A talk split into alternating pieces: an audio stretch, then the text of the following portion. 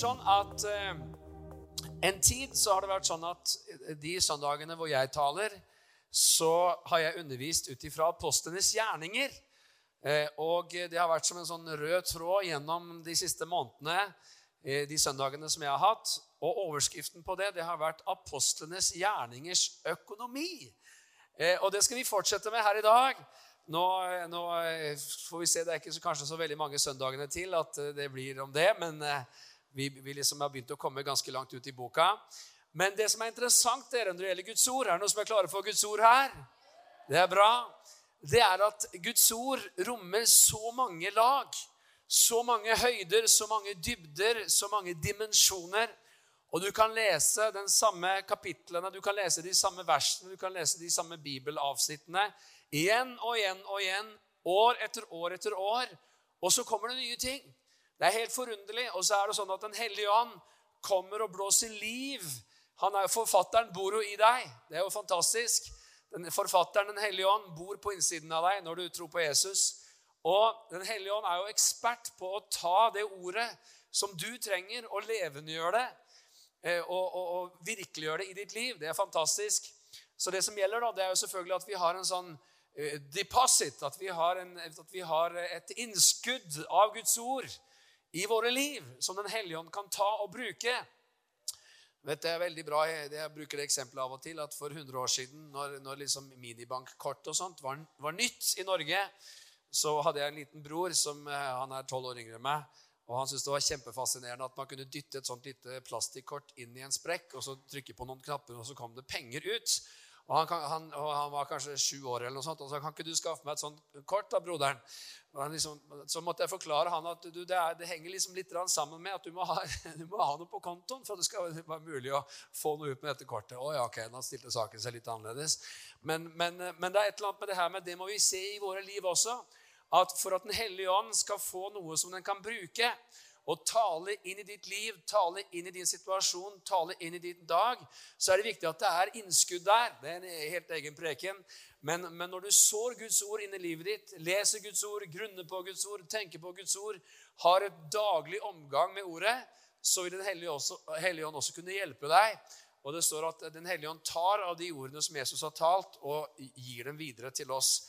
Så, så det vil si at det vi skal gjøre i dag, eller fortsette med i dag, det er at når vi underviser ut ifra apostlenes gjerninger, eh, så er det på en måte ikke et dybdestudium akkurat i, som, altså i alt som har med apostlenes gjerninger å gjøre. Men vi skal rett og slett fortsette å se inn i apostlenes gjerningers økonomi. Og Noen kan jo da tenke, som ikke har fått med seg dette, at det som i alle dager har apostlenes gjerninger noe å si om økonomi. Det har det. Det har masse å si om økonomi. Og Det fascinerende med Bibelen også er at Bibelen har veldig mye å si om så mange områder av våre liv. Om, om relasjoner, om ekteskap, om familie, om økonomi, om arbeid osv. Hvis du leter, så skal du finne. Så vi er kommet til det tiende kapitlet. Og hvis ikke du har fått med deg de andre kapitlene, sånn, så kan du sikkert få høre det online etter hvert. Eh, mens dette står også på egne ben, så det går veldig bra. Så er det sånn at I Apostlenes gjerninger 10, fram til dette tidspunktet, så er det sånn at den kristne troen, troen på Jesus, det er noe som eh, helt og holdent befinner seg innenfor det jødiske folket. Mens nå skal det skje noe helt epokegjørende, som alle vi som er her, er veldig glad for. Og det er at evangeliet går ut til hedningene. Altså Hedningene er ikke jøder. Hvordan skjer det? Jo, Det leser vi om i Apostelens gjerninger 10, vers 1, i Jesu navn. I Cesarea var det en mann som het Kornelius. Han var høvedsmann ved den hæravdelingen som ble kalt den italienske. Det var jo sånn, det var mange hæravdelinger innenfor Romerriket med mange nasjonaliteter og veldig mange grupperinger. Men han, han ledet altså italienerne, som, eh, som, representerte den romerske okkupasjonsmakten, og som hadde hovedsete i Cesarea ved, i, ved kysten eh, noen mil nord for dagens eh, Tel Aviv. Og til, De kan du bli med oss i løpet av året hvis du har lyst, og se hvordan det var der. Han var en from mann og fryktet Gud med hele sitt hus. Så står det at han ga mange almisser til folket, altså gaver. Og han ba alltid til Gud. Så han var en italiener som var en tilhenger av jødenes tro, som ba, og som ga mye. En dag, det var omkring den niende time, så han tydelig i et syn en Guds engel som kom inn til ham og sa Kornelius. Kornelius stirret forferdet på ham og sa, 'Hva er det, Herre?' Engelen svarte, 'Dine bønner og almisser er steget opp for Guds åsyn, så han er blitt minnet om deg.' Dette er veldig interessant å se på. Det må vi dvele litt ved. Dine bønner har steget opp til Gud. Det skjønner vi jo. At bønner stiger opp til Gud. Men så står det til og med at dine gaver, altså dine, dine, dine almisser, har steget opp til Gud. Det du har gitt, har også steget opp til Gud. Så det vi ser, er at Kornelius, han ba, og han ga. Og det Bibelen nemlig beskriver for oss, det er at begge deler har å gjøre med våre hjerter. At bønnen har med hjerterelasjonen til Gud, det skjønner vi. Men at det med å gi også har med hjerterelasjonen til Gud, det er kanskje ikke noe som alle er like bevisst på. Jesus han sa det i Matteus kapittel 6 og vers 21, disse kjente ordene, at hvor din skatt er, der vil også hjertet ditt være. Med andre ord, det du gir til, der vil hjertet ditt være. ikke sant? Der, der du plasserer pengene dine, der vil hjertet, hjertet være. Man skulle jo tenke at det logiske var at der hvor hjertet ditt er, der strømmer pengene. Men, men altså motsatt, at der hvor skatten din er, der vil også hjertet ditt være. Og det som er interessant her, det er at Kornelius' givertjeneste får Guds oppmerksomhet. Tenk at det står at de gavene han har gitt, de steg opp til Guds åsyn. De steg opp til, innenfor Guds ansikt. Og det er jo kjempeinteressant. Hva sier det egentlig om Gud? Hva, hva sier det om hvordan han er, og hva han legger merke til? Det syns jeg er fascinerende. Vi vet at Gud han er allvitende. Han vet alt. Han, han, vet alt. Det er det vi er glad for. Det er ingenting som er skjult for han. Alt ligger nakent og bart, står det innenfor hans ansikt, som vi skal gjøre regnskap for, sier Hebrebrevet 4.13, er det vel. Så, så, Gud er Gud. Ingenting er skjult for ham. Men det er interessant her at liksom, Hvorfor er det sånn at det er der? Hvorfor er det i dette huset at evangeliet først kommer? Hvorfor er det sånn at når Gud skal åpenbare seg for hedningene for aller første gang Og vi må da huske at på en måte hele gudshistorien fram til den dagen har vært med det Israels folk. Abraham, Isaks og Jakobs Gud kaller han. Han valgte ut Abraham, som fikk Isak, som fikk Jakob, som fikk et nytt navn, som het Israel, som var Israel. Han som fikk, tolv sønner, som var navnene på tolv Israels stammer. Og så leser vi da ikke sant, opp gjennom århundre etter århundre etter århundre at Gud han, han arbeider gjennom ett eiendomsfolk, jødene. Og nå ønsker han at evangeliet, som han jo, Jesus har sagt, skal forkynnes for alle folkeslag. Hvor begynner dette? Hva, hva er navnet på den første hedningen som får høre evangeliet? Eh, jo, det er Kornelius. Og det som skjer da, ikke sant, det er at vi, vi, vi rekker jo, Det er jo så interessant, dette her, så vi, vi, får lyst til å ta noen avstikkere og liksom eh, lese alt om hvordan Peter er på tak i Jaffa. Han får et syn med dyr av alle slag, og Gud sier 'slakt og et'. Han sier 'aldri har jeg spist noe urent'. Eh, like etterpå så kommer det liksom eh, noen soldater som er sendt da fra Kornelius.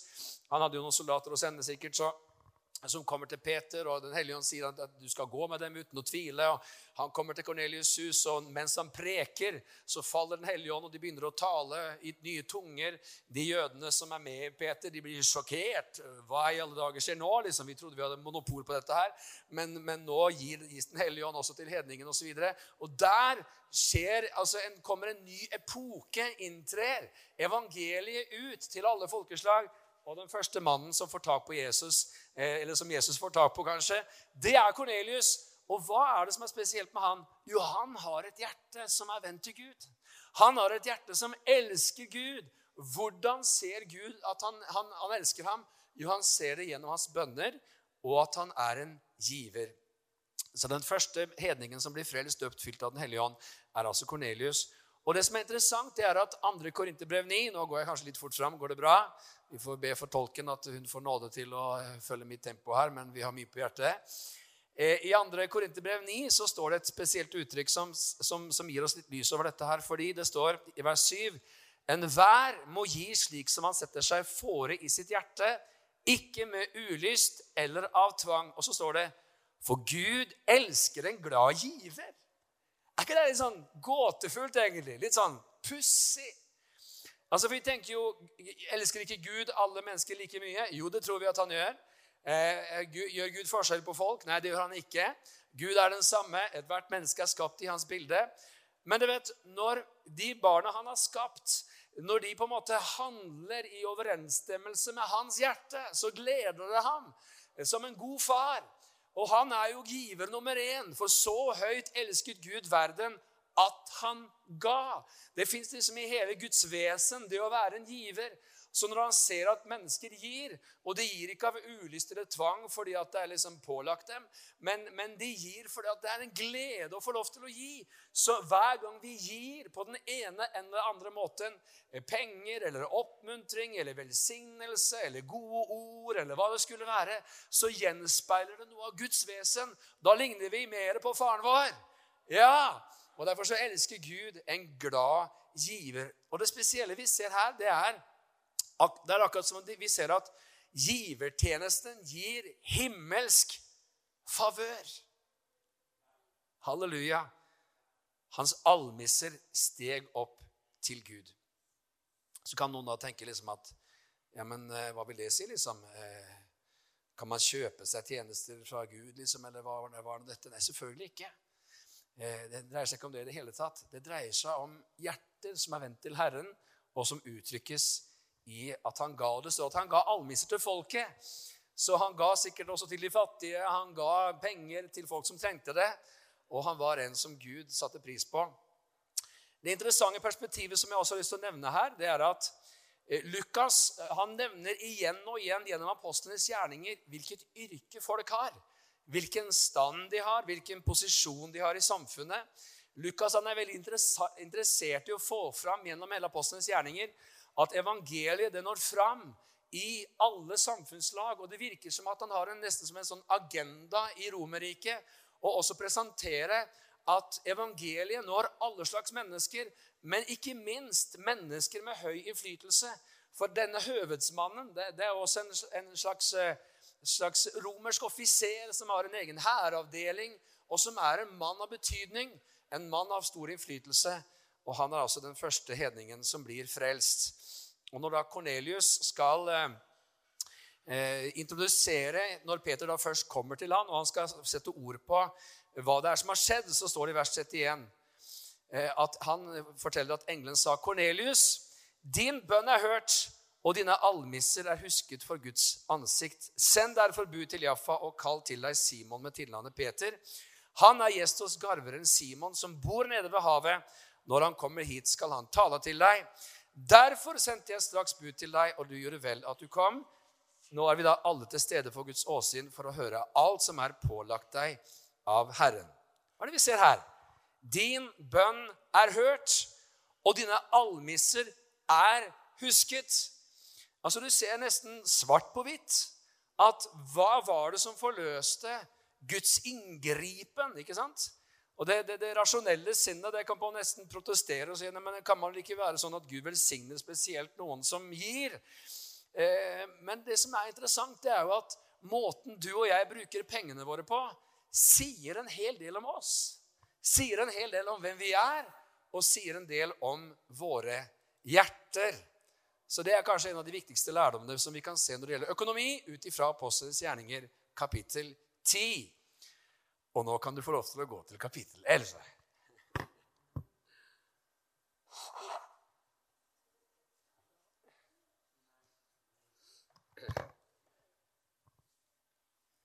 I kapittel 11 så går vi til vers 27. Går det bra at vi har litt bibelundervisning her på morgenen? Gå litt innom Skriftens ord. I Apostelens gjerninger 11, 27 så leser vi eh, at det var profeter som kom ned til Antiokia en, en, menighet er blitt startet der, og en av dem han het Agabus, som sto opp og varslet ved ånden at en stor hungersnød skulle komme over hele verden. Den kom da også under Claudius. Disiplene vedtok da at hver av dem, ettersom de hadde råd til, skulle sende noe til hjelp for de brødre som bodde i Judea. Dette gjorde de, og sendte det med Barnabas og Saulus til de eldste. Hva er det vi ser her? Jo, vi ser at den første menigheten den var engasjert i det å gi til de trengende. var engasjert i å gi til de fattige. Eh, og det spesielle her det er at Gud gir en profet et ord om en verdensbegivenhet som snart skal skje. Han forteller menigheten om en hungersnød lenge før den kommer, slik at når hungersnøden begynner, så er menigheten klar. Så har menigheten allerede samlet inn penger i forkant. Altså, menigheten er profetisk i forkant. Og Det syns jeg er litt interessant, fordi det står at Den hellige ånd taler til oss om de kommende ting. Og Gud vil jo at hans menighet skal være profetisk. Og hvis det var sånn at Den hellige ånd kunne gjøre det da, så kan han jo også gjøre det nå. Hellige, hvorfor skulle ikke Den hellige ånd kunne tale til oss om verdensbegivenheter, om økonomisk utvikling i verden, om ulike ting som vil skje, som vil forandre ting, og som vil gjøre at vi kan være i forkant? Det er noe av det som er vakre som skjer her. Og så står det at hver og en skulle gi ettersom han hadde råd til, står det, for å hjelpe brødrene som bodde i Judea. Og det som er interessant her, er at Apostelens gjerninger beskriver jo Antiokia-menigheten som en sterk menighet, som en sendemenighet. Det er den samme menigheten som etter hvert Paulus og Barnabas ble sendt ut ifra. Og dette var også en menighet som var i stand til å gi, og som var i stand til å gi ut til store behov som fantes der ute. Og i, dette, eh, i denne situasjonen her, altså de som bodde i Judea. Så Herre, vi takker deg for profetisk framsynthet. Vi takker deg for profetisk ånd. Og vi takker deg, Herre, for at du ikke tenker at din menighet er avsondret i et lite hjørne utenfor verdensbegivenhetene. Nei, du vil at din menighet skal være jordens salt og verdens lys. Du vil at din menighet skal forstå seg på tidene. Og vi ber, Herre, om at du skal la oss forstå hva du gjør slik at vi også kan få gjøre riktige økonomiske disposisjoner i våre egne liv, men også i menigheten, i forretningslivet og i den verden som vi er en del av. Amen. Nå går vi videre til Apostelens gjerninger kapittel 12. Og Det interessante det er at med veldig få unntak så finnes det da beskrivelser av ting som er relatert til penger eller økonomi i de aller fleste kapitlene. Og det finnes også da i Apostelens gjerninger 12. Er du med? Vers 18 så står det eh, eh, om Peter som blir sluppet ut av fengselet av en Herrens engel. Og om morgenen ble det da ikke lite oppstyr blant soldatene, leser vi i vers 18. De undret seg over hvor Peter var blitt av. Herodes, den samme herskeren som har tatt livet av Jakob og hugget hodet av ham, eh, lot lete etter ham, men fant ham ikke. Han tok da vaktmennene i forhør og bød at de skulle føres bort. Selv dro han fra Judea og ned til Cesarea og ble værende der. Og Nå kommer et veldig spesielt skriftavsnitt, fordi han, Herodes, var meget forbitret, står det, på folket i Tyrus og Sidon. Men de ble enige om å tre fram for ham. Da de hadde fått Blastus, kongens kammerherre, på sin side, ba de om fred fordi landet deres fikk sine forsyninger fra kongens land. Altså De fikk forsyninger, de fikk materielle forsyninger fra kongens land. På en fastsatt dag kledde så Herodes seg i kongelig skrud. Han satte seg på sin trone og holdt en tale til dem. Og folkemengden ropte, 'Dette er Guds røst, og ikke et menneskes.' Og her har Herodes et valg. Han kan da enten si nei, nei, nei, folkens, for all del, si ikke nå, si ikke dette. Dette er en ære som bare er Gud til del. Men det gjør han tydeligvis ikke. Straks slo en Herrens engel ham fordi han ikke ga Gud æren, og han ble fortært av ormer og døde. Dramatikk her, altså. Denne kongen, han gir ikke Gud ære, og han dømmes hardt. Han blir, eh, du vet, Vi ser av og til det i apostelens gjerninger, at eh, dommen den, den, den kommer på forhånd. Den, den, kommer der og da. Vi vet at det kommer en, en dag hvor, hvor, dom over hvert menneske skal finne sted. Dom over verdensbegivenheter, dom, dom over nasjoner, dom over urettferdighet. En dag skal rettferdigheten virkelig få manifesteres på jorden. Og vi skal se hvordan det ser ut når Jesus Kristus er kongenes konge og herrenes herre. Men innimellom så er det som om at han statuerer eksempler eh, i Skriften. Og her er et av de tilfellene hvor mennesker ikke gir Gud æren for hans forsørgelse. ikke gir Gud ære for hans forsyninger, ikke gir Gud ære fordi at det, var, det er han som alt dette kommer ifra. Her gir man mennesker ære, og Gud vil ikke ha noe av dette. Det som er interessant her med det, det, blir, det har jeg ikke anledning til å komme inn i her nå. Det er litt for spennende. Men Tyros og Sidon er jo faktisk ikke eh, ubetydelige byer i Skriften. Hvis man leser Jesaja og Jeremia, så ser man stadige dommer over Tyros og Sidon i forhold til at det var økonomiske superpowers som, som eh, som, eh, ja, som, som Herren, Herrens profeter uttaler dom over.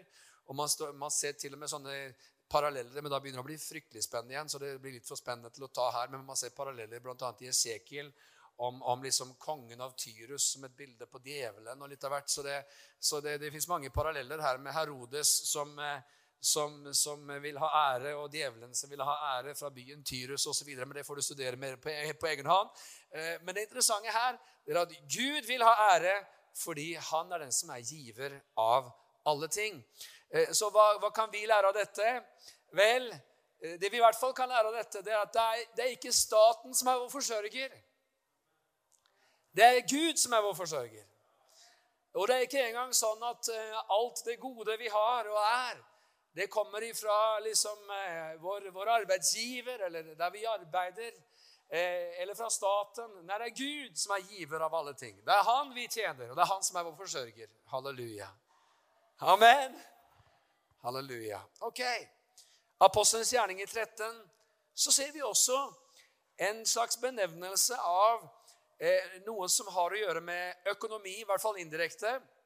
Fordi eh, eh forfatteren Lukas han syns det er veldig fint å og som sagt da, beskrive hvem er det som kommer til å tro.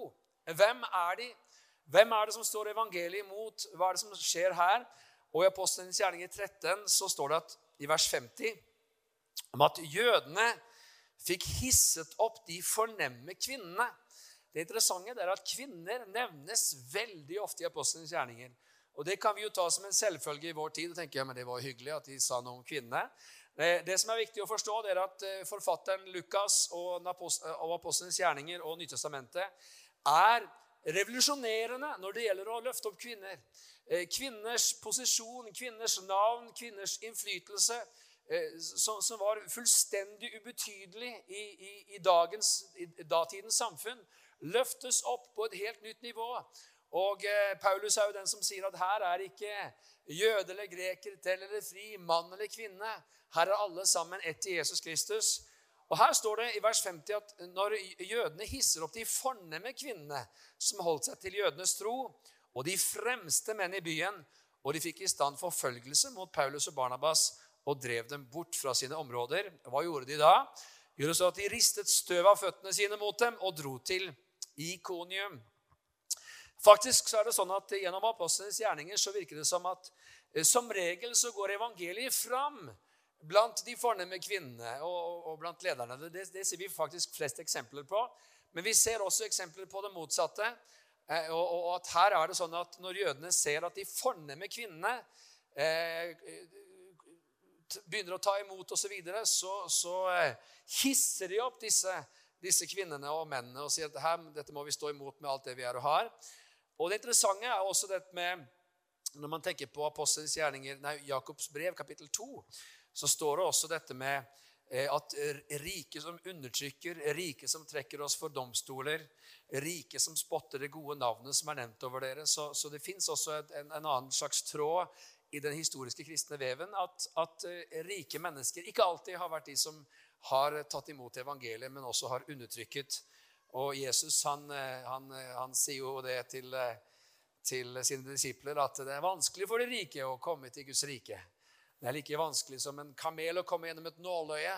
Eh, og Det høres jo ganske håpløst ut, men eh, nå fantes det også en port, en liten port i Jerusalem som ble kalt for nåløyet. Og hvor alle kamelene var så liten at alle kamelene måtte ta av seg både det ene og det andre for å kunne komme gjennom. Det er en annen preken. Det fins mange prekener i prekenen her.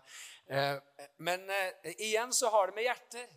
Hva er det som får råde i hjertene våre? Kornelius han var jo en velstående mann, men hans hjerte var vendt til Gud. Og han gjorde det som rike mennesker blir påkrevet å gjøre i Skriften, og det er å være givere. Så det, Bibelen sier aldri at det er feil å være rik, men Bibelen sier at det er feil å være rik og ikke være en giver. Så jo mer man har, jo mer er man forpliktet til å gi, er Bibelens budskap. Så det er altså en benevnelse i Apostlenes gjerninger, kapittel 14. Og videre så, eh, så går vi til kapittel 14, ja. Eh, og da, eh, og det her er interessant, for jeg er jo fristet til å liksom gå inn i alle slags videreverdigheter rundt Paulus' misjonsgjerning, men skal konsentrere meg om det som har med økonomi å gjøre. Her har Paulus kommet til en ny by. Og eh, du vet, det, det, er veldig store pendelsvingninger her. For eh, i det ene øyeblikket så tenker de at Paulus han er en gud, for de gjør jo tegn under disse folka her, og de vil tilbe dem. Og Paulus han gjør alt han kan for at de ikke skal gjøre det. Og da i neste øyeblikk, når han forhindrer dem fra å gjøre det, så tenker de at ja, men disse steiner vi. Eh, så, så, hvis noen har tenkt at det svinger fort her i verden Det kan gå veldig fort fra de store høyder til de dype dybder. Så har folk opplevd det før. Eh, og kanskje enda større høyder og enda større dybder enn noen av oss har opplevd også. Så det får vi leve med. Vårt navn er skrevet i livets bok. Snart skal vi til himmelen. Som om folk hyller deg, eller om folk er imot deg, så, så går det bra uansett. Halleluja. Det var en liten sånn ekstra oppmuntring til noen her som trengte det. Apostelens gjerning i 14 så sier altså Paulus i vers 15 når disse vil ofre til dem Hva er det dere gjør, menn? Også vi er mennesker under de samme kår som dere. Og vi forkynner dere evangeliet, at dere må vende dere bort fra disse falske gudene. Og så begynner han å beskrive den Gud som han tjener, og som han kjenner. Fra disse falske gudene til den levende Gud. Han som gjorde himmelen og jorden og havet og alt som er i dem. I tidligere slekters tid har han latt alle hedningefolkene vandre sine egne veier, men han lot seg ikke uten vitnesbyrd.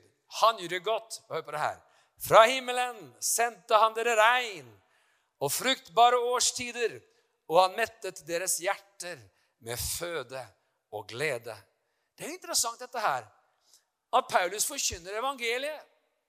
Paulus forteller disse hedningene hvem Gud er. Og når han skal beskrive Gud, hva gjør han? Jo, han sier han er den levende Gud. Han sier at han er den som har skapt himmelen og jorden og havet og alt som er i dem. Altså alt det gode vi ser. Vet du, når Gud skapte jorden, så står det at han så på det han skapte, og han så at det var Det var godt. Det var godt, det var rikt, det var herlig, det var velsignet. Og så beskriver da Paulus at fra himmelen så sendte han oss regn. Det har vi jo blitt veldig velsigna med i Norge. Veldig mye regn. Det er veldig fint, altså. Og fruktbare årstider.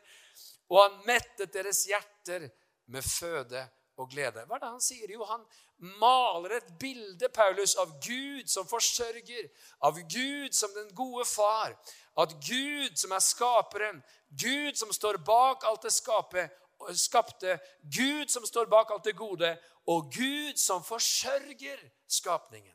Amen. Hør nå her. Vi skal ikke bli forlegne pga. darwinisme. Eller vi skal ikke bli forlegne pga. Eh, liksom vitenskap og tenke ja, men uff, det, jeg kan jo aldri snakke om Gud som skaper mer, for folk, folk kommer til å liksom tenke at det er litt, litt sånn enkelt møblert osv. Jeg har sagt det noen ganger opp gjennom morgenen. Jeg leste en sånn artikkel for en hel del år siden som jeg syntes var så morsom, for det var illustrert vitenskap. Man kjenner til det bladet Illustrert vitenskap. Og så var det en artikkel om at man hadde brukt hundrevis av millioner på moderne DNA-forskning, og så hadde man da konkludert med at alt begynte med to. Alt må ha begynt med én mann og én kvinne. Var liksom artikkelens konklusjon. Jeg synes det var så fascinerende. Jeg fikk lyst til å skrive til redaktøren og spørre om han ville vite navnene på de to. Så, så, du vet eh, Guds ord, skjønner du. Det er Guds ord. Det skal vi ikke være flaue for. Og Gud som skaper Det er ikke sikkert at du kan forklare, eller noen kan forklare, eller noen fullt ut kan vite akkurat hvordan alt gikk til. Bibelen er jo ikke på en måte en, en, en bok som i detalj beskriver det.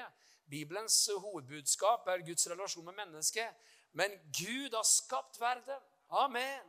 Han har sørget for verden. Og det er jo fantastisk å se skaperverket. altså. Oi, oi, oi. Det er bare liksom bare kroppen, kroppens funksjoner, detaljene. altså, mener, nå blir jo våre, våre, våre, mobiler blir jo stadig bedre, og våre kameraer blir stadig bedre, og de blir sharpere. Men jeg mener, det her fantastiske øyet altså, som Gud har skapt. Det er jo helt unikt, altså. Og så Jeg blir frista til å ta enda en ny preken i dette, men jeg skal ikke gjøre det. Men Gud er skaper. Han står bak sitt ord. Og det er veldig viktig for oss å kjenne på det at han er vår forsørger. Gud er vår skaper. Han står bak alle ting. Og det er liksom noe av dette her litt sånn ubekymrede som Gud vil at hans barn skal leve i. Ikke i en uansvarlighet. Nei, Bibelen sier at den som ikke arbeider, skal heller ikke ete. Vi skal, vi skal, arbeide, vi skal arbeide med våre hender, vi skal gjøre det vi kan etter de evner vi har, vi skal være forvaltere osv. Men Gud er en god Gud. Han er en god skaper. Han er vår forsørger, og han er den som har sagt 'vær ikke bekymret for noe'. Herlig? I Apostelens gjerninger 15 så finnes, har jeg foreløpig ikke sett så veldig mange referanser til økonomi. Hvis du ser den, så kom, kom, til den, kom med den til meg, så får vi ta den en annen gang. Men i Apostelens gjerninger 16 så har vi nye opplysninger om hvordan Guds rike, der hvor Guds rike går fram, så, så finnes det også her benevnelser rundt det som har med økonomi å gjøre. For bakteppet her, folkens, det er at uh, man har hatt en visjon om en makedoner som sier 'Kom over og hjelp oss'. Og det interessante er at Først har de eh, forsøkt å komme seg inn i Betynia, men Kristian ga dem ikke lov. Og så har de forsøkt å komme inn til var det Troas eller noe sånt, og det fikk de heller ikke lov til.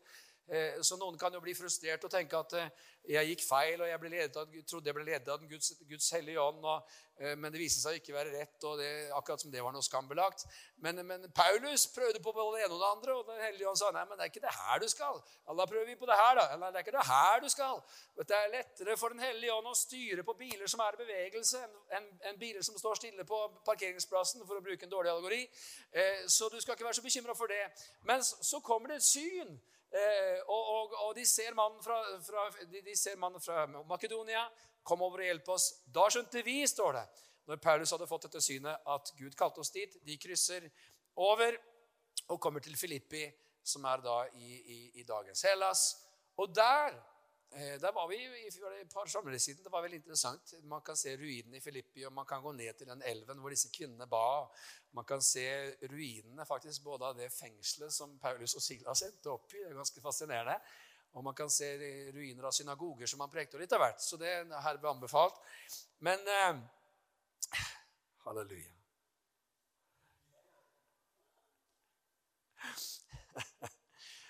Vers 13 sier at på sabbatsdagen så gikk vi utenfor byporten, ned til en elv, hvor de pleide å holde bønn.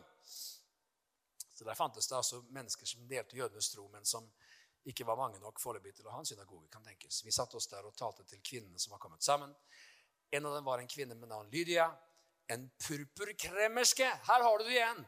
At Lukas nevner yrkene. Han nevner hva de holder på med. Det er ikke uinteressant hva folk driver med. Eh, og det er, er, interessant, fordi jeg tror at Gud han vil også, og det er noen, en del av budskapet også, han vil på en måte fornye vår tro på at vi tjener Gud i våre yrker. Vi tjener Gud i det vi gjør. Vi tjener Gud i vår hverdag. Eh, vi tjener Gud som forvaltere av de gaver, talenter og utrustning som han har gitt oss. Eh, og, og, ikke minst dette at også Gud vil reise opp forretningsmenn og forretningskvinner. Men han vil reise opp folk i alle slags samfunnslag som tjener Gud med sine yrker. Og Her har vi da forretningskvinnen Lydia, som er en purpurkremmerske eh, fra Tyatira, som dyrket Gud etter jødenes tro. Hun hørte på, og Herren åpnet hennes hjerte, så hun ga akt på det som ble talt av Paulus. Da hun og de som tilhørte hennes hus, var blitt døpt, ba hun oss og sa, så sant dere holder meg for å være en som tror på Herren, så kom hjem til meg og bo der. Og hun nødde oss. Det vi da ser, det er at Hennes hus blir et senter for vekkelsen i Filippi. Og hun er den første i Europa som tar imot evangeliet. Og hun er en forretningskvinne. Er ikke det litt kult? Så det som er litt sånn småforunderlig, egentlig, det er at Jesu Kristi menighet gjennom 2000 år har klart å være så utrolig innsnevret og smalsporet når det gjelder hva kvinner kan gjøre. Jeg mener, Tenk på ordspråksboken 31. da. Den har jo helt sikkert da Lydia lest, ikke sant? som eh, som, som holdt seg til jødenes tro. Hun tenker på en eiendom og får tak på den. Det står om hvordan hun arbeider, det står om hvordan hun har folk i arbeid. Det står om en driftig dame som beskrives i årspråksboken som ble skrevet for 3000 år siden. Eh, og, så, liksom, så, har man da liksom sånne merkelige tanker om, eh, som, som, kristne liksom siteres på. At ja, de, kristne de har gjort det så smalt for kvinnen, og kvinnens plass er der og der. og De har jo ikke lest boka godt nok. Og Så får vi bare ha unnskyldt da alle kristne ledere opp gjennom, eh, om gjennom tidene som heller ikke har lest boka godt nok. Men her ser vi Guds ord som løfter fram denne herlige kvinnen. Og så står det videre, kan vi lese senere, om menigheten i hennes hus. Altså hennes hus hun, hun, var jo en forretningskvinne, så hun hadde nok et stort hus. Eh, og hun hadde plass til gjester, og hun inviterte dem der. Og når de kom ut av fengselet, så står det at de var samlet i hennes hus. Så Lydias hus blir et senter for vekkelsen. Og det vi ser her, det er jo også at hun nøder Paulus og sier, 'Kom hjem til meg.' Hun er en gjestfri kvinne. Og dette med gjestfrihet er jo noe som, som Bibelen også vektlegger veldig sterkt og som jo faktisk også har å gjøre med penger å gjøre, hjerterom å gjøre. Du vet, eh, vi, vi, eh, vi tilhører en kultur, de, de, av oss som har vokst opp i Norge, som, som, eh, som vi, vi, kan av og til tenke at vi lever nær Nordpolen. og det, vi, liksom, mitt, hus, mitt hus er min borg, og der bor jeg. Mens i andre kulturer så fins det liksom en helt annen standard for gjestfrihet. Altså, Det løftes så høyt at det, det, det fins nesten grenser for hvor langt man er gå, villig til å gå for sine gjester. Jeg husker jo En av de tidlige dagene i, i Jesus Church-historie så, så, var det en, en, en, en, restaurant som ble drevet av noen eh, veldig hyggelige marokkanere rett nede i gata. og Vi var stamgjester der og var innom der titt og ofte. Og så sier de en dag at eh, vi, vi, vi, dere er så gode som kommer hit. Vi har lyst til å lage middag til hele menigheten. Hva er det du mener for noe, liksom? Vi hadde jo et Jesushus nede i uh, Maribos gate, var det vel. Og du vet, eh, De endte opp med og du vet, Det her var liksom ikke sånn Norwegian fast food. altså. Det var som krydder og marinader og greier. De, de, de begynte et døgn før for å liksom sørge for at alt var liksom gjort uh, til alle tidens og, og, det var liksom sånn var jo vi som skulle gjort det her. Det var jo vi som skulle invitert alle muslimer på middag. Det var jo vi som skulle vært de her gjestfrie folka. Det var Guds rike som skulle holdt på sånn. Men, men, det var liksom dere som måtte uttrykke takk på liksom for at vi var gode folk, og vi oppmuntra dem. og liksom sånn og sånn. Så, så, de lagde jo mat for eh, like mange personer som vi er her i dag. liksom, Og fylte opp alle mulige ja, Det var helt nydelig. Så ok, Og det koster jo faktisk noen kroner. Så liksom det Gjestfrihet men det er jo et fint, hyggelig ord. Ja, Men kjøp middag til 100 pers, liksom. Det koster litt, altså.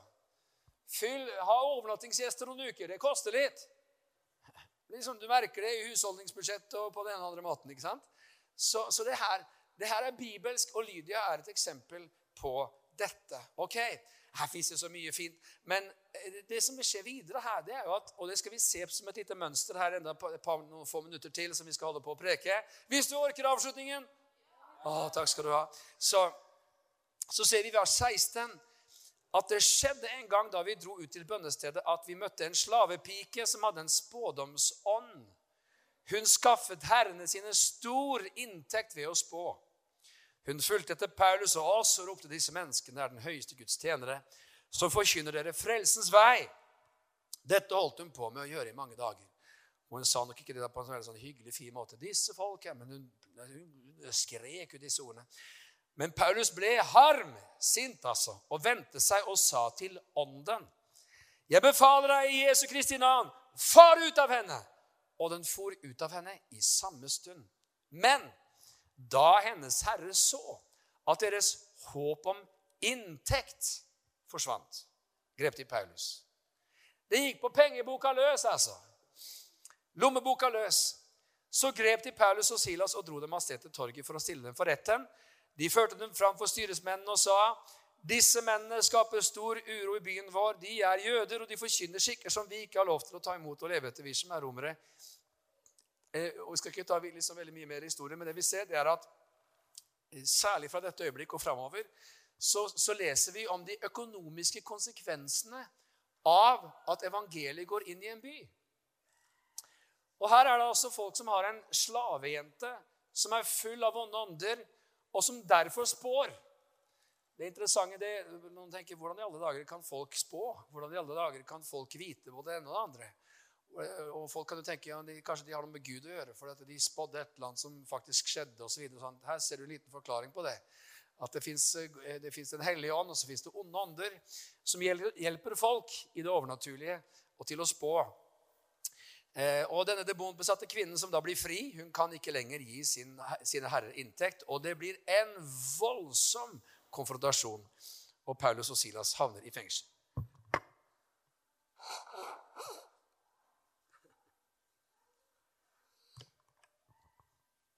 Det er forkynnelse i 40 plussgrader og i aircondition på samme uke, som her gir seg litt utslag i min nese. ja, du. Det vet, interessante med, med vekkelseshistorien er jo at disse eksemplene er mange. F.eks. hvis du går inn og leser om Frelsesarmeens pionerår i, eh, i London med Katrine og William Booth så, så, var det så mange alkoholikere som ble frelst. Så mange alkoholmisbrukere som ble frelst. Og det gjorde jo at folk som hadde barer og utesteder, tjente mindre penger. Og det gjorde at Frelsesarmeen fikk en voldsom motstand. Altså. Når de sto og prekte på gatene i East London, så, så, så ble de kastet døde dyr på. Døde katter og døde hunder. og Alt hva de holdt på med, og eks, eks, eks, ekskrementer og vederstyggeligheter. og William Booth ble spyttet på. Og det var da han sa de kjente ord når den svære spytteklisa hang nedover i hans svære skjegg. Så sa han, 'La den henge, det er en medalje'. Når noen medarbeidere kom for å fikse litt. Så. Men evangeliet får konsekvenser for samfunnsøkonomien. Det ser vi eksempler på helt i fra evangeliets begynnelse. Og det samme ser vi i Apostlenes gjerninger 17, men ut ifra en helt annen vinkel. For her forkynner Paulus evangeliet i synagogen i Tessaloniki, som hadde en stor jødisk befolkning i 2000 år, helt fram til andre verdenskrig. Da ble alle tatt livet av. Eh, det var faktisk jødisk majoritet i Tessaloniki gjennom mange år i, i historien. Men i vers 4 så står det at noen av dem ble overbevist og sluttet seg til Paulus etter at Paulus han har forkynt i synagogen i Tessaloniki. Og det gjorde også en stor mengde av de grekere som dyrket Gud. Og ikke få av de fornemste kvinnene. Så her ser vi at de fornemme kvinnene de er med, og de kommer til tro. De tar imot Jesus. Og de fornemme kvinnene det beskriver jo altså the noble women. Dette var kvinner av høy stand, det var kvinner av eh, av, av, av velstående kvinner. Og bare som parentes, det interessante, Du kan jo lese om det tror jeg det er også i Lukas 8, om hvordan Jesus hadde kvinnelige disipler som hadde som spesiell tjeneste å sørge for ham og disiplene med det de eide. Det er jo fascinerende, dette her. Så det er tydelig at nesten det finnes en sånn rød tråd i dette her i evangeliene. At, at kvinner, forretningskvinner, kvinner som givere Det, det, det, det, fins noe der. Jeg vet ikke om det er et, et guddommelig prinsipp, altså, men jeg, jeg, lever jo med en, meget uh, radikal giver. Altså, så, så, så det, har jo gitt spesielle utslag i vårt ekteskap innimellom. Uh, når jeg tenker hun, det, nå, nå, skal jeg virkelig gi, liksom. Nå skal jeg virkelig satse her. nå skal jeg eh, så hvis jeg da sier det jeg har tenkt å gi, så vet, det, er jo, det, er sjelden det når opp til knærne til det andre tenker å gi. altså. She's a radical giver, that lady. Det er herlig. Det er veldig fint, altså. Jeg skal ikke ta alle historier nå, men vi har ikke tid til det. Men vi får ta det ei, anna gang. Men jødene ble da egget til Nidjared, så det. Det var liksom Når de fornemste kvinnene blir frelst Nei, da gikk det for langt. ass. Hvorfor det, da? Nei, Det kan jo til og med være at eh, det står at de fikk med seg onde menn som gikk og drev på torget. Laget et oppløp som satte byen i røre. Så trengte de fram mot Jasons hus og lette etter dem for å føre dem fram for folket. Men da de ikke fant dem, slepte de med seg Jason og noen av brødrene til bydommerne og ropte:" Disse som oppvigler hele verden, er også kommet hit. Og det er klart at De fornemste eh, kvinnene var vel de også som eh, kanskje bidro mest i synagogen. kan det tenkes. Så her ser man jo at eh, man kan jo tenke Hva blir konsekvensene nå? Hva skjer med eksempelets makt? Jeg mener, hvis, hvis, de ledende kvinnene, de fornemme kvinnene, de mest velstående kvinnene Hvis de tar imot Jesus, hva blir konsekvensen av det? Jeg mener, det, det, det er jo et voldsomt eksempel. Vi kan jo miste alt her. De her folka som oppvigler hele verden, har også kommet hit. De må stoppes. Evangeliet får økonomiske konsekvenser i Tessaloniki. Til slutt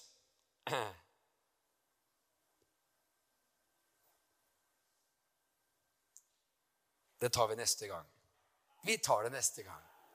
Vi tar det rett og slett neste gang. Vet du, Jeg velsigna med at vi, vi har liksom noen kapitler igjen her. Vi tar det neste gang. Evangeliet får økonomiske konsekvenser. Og mer om det skal vi høre en annen søndag. Vis så det opp.